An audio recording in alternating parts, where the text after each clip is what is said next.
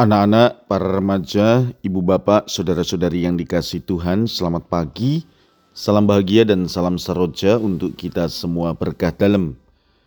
Bersama dengan saya, Roman Antonius Garbito Pambuaji, menyampaikan salam dan berkat Allah yang Maha Kuasa dalam nama Bapa dan Putra dan Roh Kudus. Amin.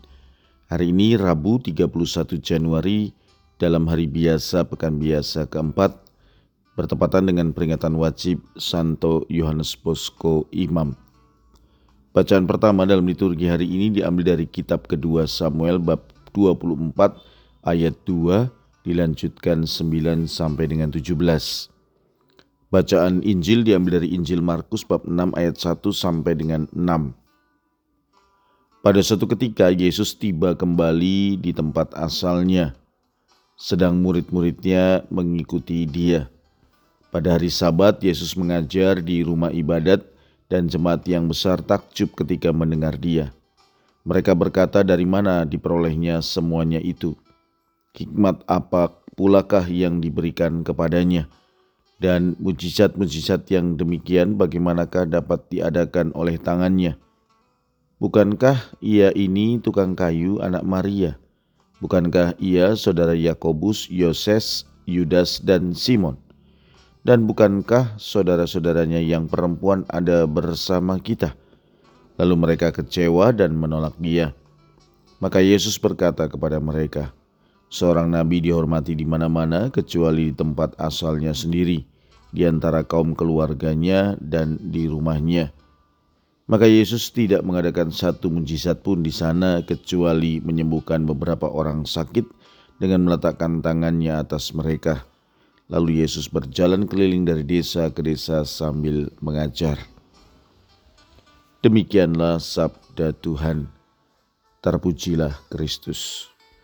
Saudara-saudari, beberapa hari ini kita mendengar bagaimana Yesus diterima oleh banyak orang di Kapernaum karena mujizat yang dibuatnya dan juga karena pengajarannya yang penuh kuasa.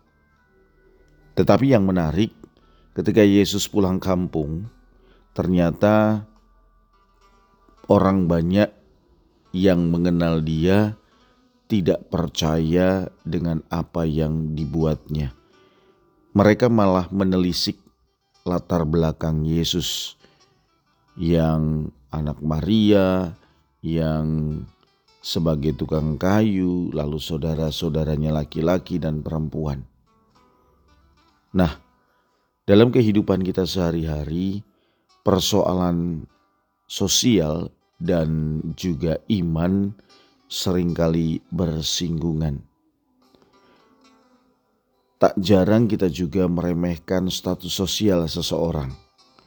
Dan ini merupakan penyakit sosial yang selalu menghalangi seseorang untuk melakukan kebaikan serta membawa perubahan yang diperlukan.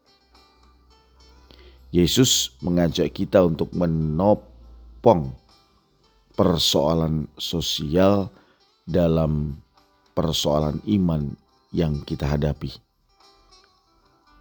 Persoalan sosial yang dimaksud adalah dalam kehidupan bermasyarakat, tidak sedikit orang yang meremehkan kemampuan sesama, bahkan menurunkan harga diri sesama.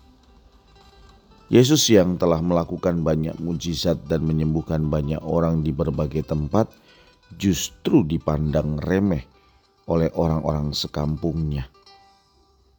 Dan persoalan iman juga dibonceng dalam persoalan sosial ini. Mereka tidak percaya bahwa Yesus yang adalah anak tukang kayu sederhana bisa mengajar dengan kata-kata penuh kuasa dan melakukan banyak mujizat.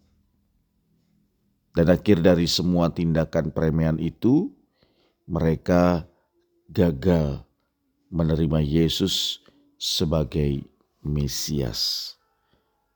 Maka saudara-saudari yang terkasih, marilah kita melihat kembali diri kita. Apakah kita mau dan mampu menerima seseorang tanpa melihat latar belakang masa lalunya? Ketika dia berhasil, ketika dia sukses.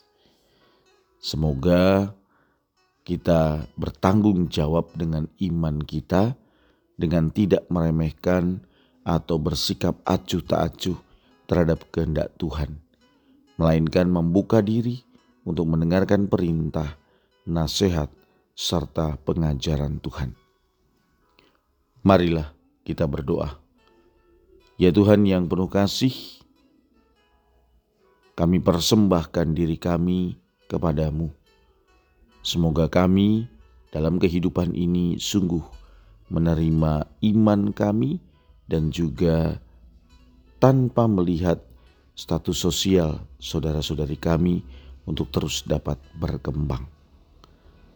Berkat Allah yang Maha Kuasa dalam nama Bapa dan Putra dan Roh Kudus.